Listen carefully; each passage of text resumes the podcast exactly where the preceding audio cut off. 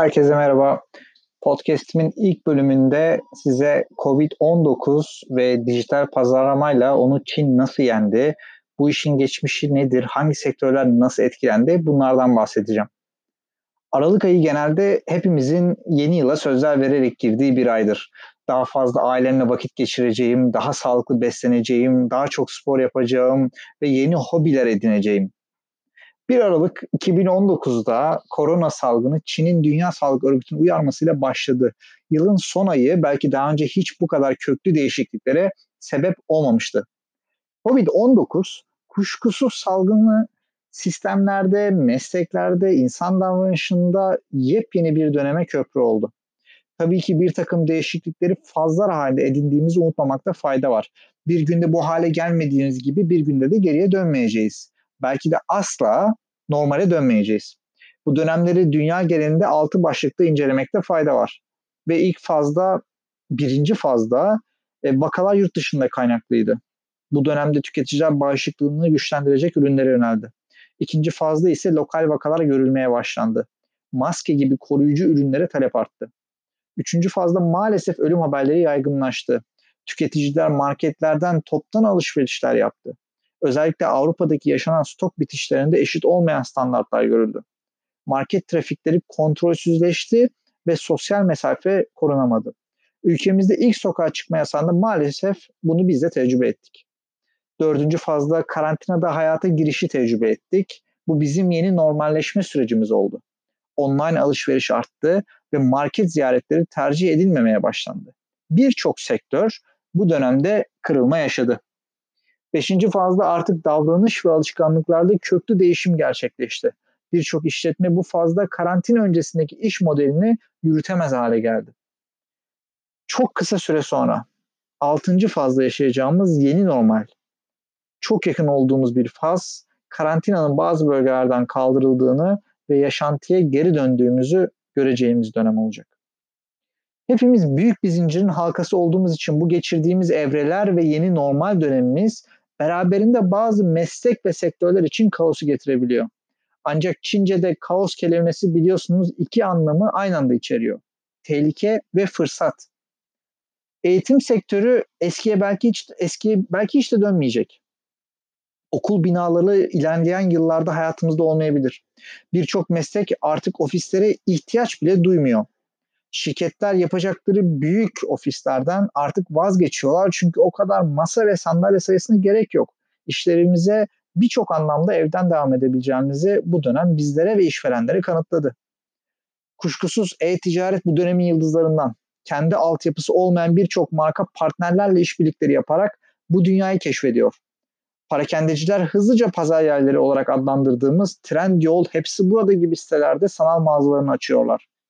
P&G, Ünlever gibi devler Getir gibi lokal partnerlerle işbirlikleri yapıp marketlerde satamadığı ürünleri eve yollamaya çalışıyor.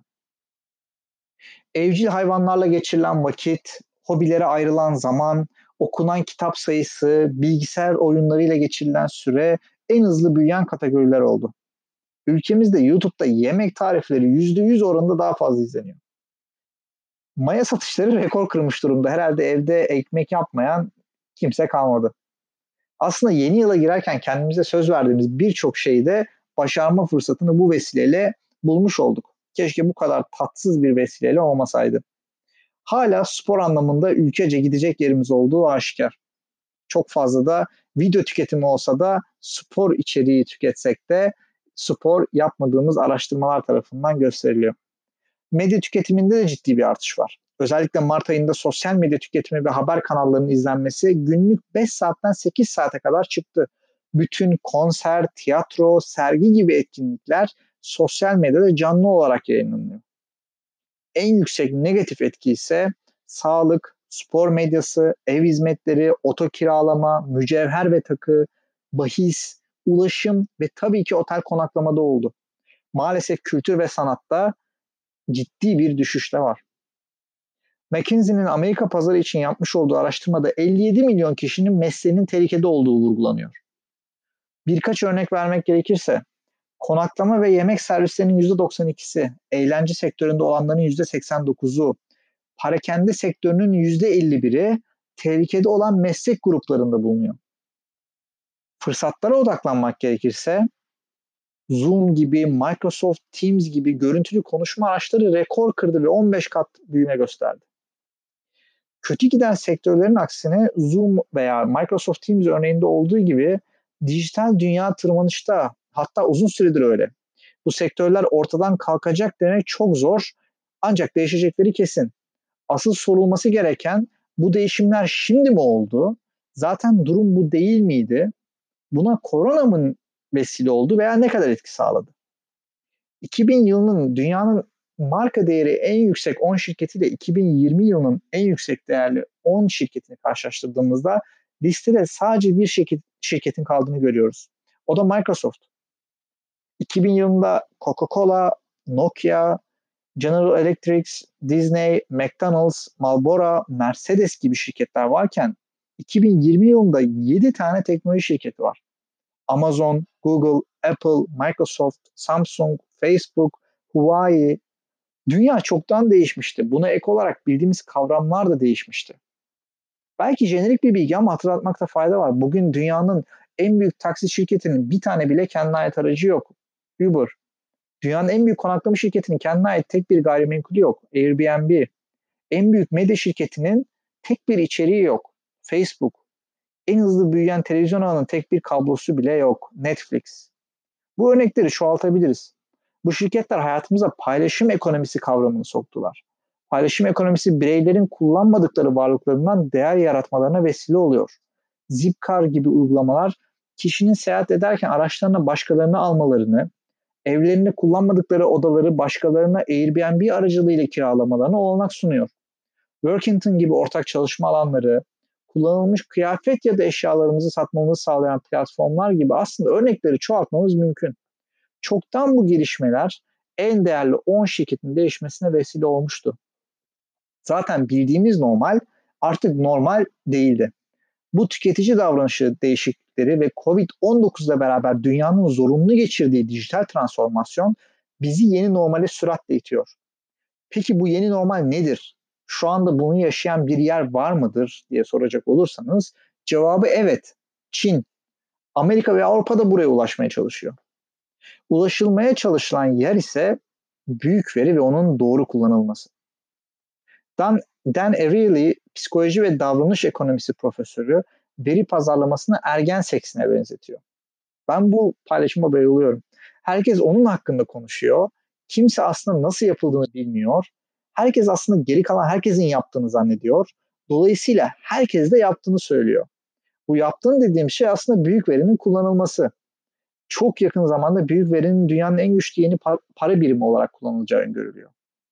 Çin aslında büyük veriyle neler yapılabileceğini gayet iyi biliyor. Bununla da Covid-19'un yayılmasını kontrol altına aldı. Peki kullandıkları veri kaynakları nedir, nasıl yaptılar diye soracak olursanız apartman girişlerine biyometrik tarayıcılar yerleştirdiler. Evden çıkmak istiyorsanız bu tarayıcıdan geçmeniz gerekiyor ve sistem artık size takibi alıyor. 200 milyonun üzerinde sokak kamerası kullanıyorlar. 1 milyar kullanıcısı olan WeChat uygulaması var ve WeChat ülkemizdeki WhatsApp'a çok benziyor. Aynı zamanda lokasyon takibi yapabiliyor. Facebook gibi sosyal medya olarak kullanılıyor ve son olarak sanki bir finans şirketinin uygulamasıymış gibi cüzdan olarak da kullanılabiliyor kameraların erişemediği bölgelerde WeChat sayesinde lokasyon takibi de yapılıyordu. Eğer daha önce bulaşmış, şu an hasta olan ya da hastalık riski olan biriyle interaksiyona geçiyorsanız WeChat üzerinden otomatikman uyarılıyorsunuz. Cüzdan özelliği sizin sepetinize eklediğiniz ürünleri takip edebiliyor ya da alışveriş yaptığınız mağazada hastalık tedavisi için ilaç alan bir kişiyle aynı dakikalara denk geldiyseniz sizi potansiyel taşıyıcı olarak işaretleyebiliyor. Sosyal medya özelliği sayesinde sizin hangi balon içerisinde yaşadığınızı tespit edip en fazla temasta bulunabileceğiniz kişileri istatistiğini çıkartıyor. Bunların hepsi ve 100 bin üzerinde veri ile beslenen makine öğrenimi bir kişinin hastalığa bulaşma oranını hesaplıyor. Sonuçta her bir vatandaş tek bir makine öğrenimi tarafından kontrol edilip yeşil, sarı, kırmızı renk kodlarına atanıyor. Yeşil kişiler takip mekanizmalarına uyarak dolaşabiliyor yakın zamanda yurt dışından gelen biriyle etkileşime geçtiyseniz ve bu tespit edilirse sarı kod alıyorsunuz ve seyahat özgürlüğünüz kısıtlanıyor. yüksek ihtimal bulaşmış olma ihtimaliniz varsa ya da taşıyorsanız virüsü kırmızı kod alıyorsunuz ve karantinaya tabi tutuluyorsunuz. Avrupa'da bugün sağlığınız için kişisel verilerinizi paylaşır mısınız sorusuna %50'den fazlası evet yanıtını veriyor. Bunların hepsi bize tek bir barkodla çiplenmiş insanlar olarak mı bundan sonra dünya vatandaşı olacağız sorusunu sorduruyor. Çözüm buysa ben de kişisel verimi paylaşmak isterim. Ancak çözüm bu olsun diye mi bu problem çıkarıldı? İşte işin içinde olan insanlardan biri olarak bu soruyu ben de kendime soruyorum.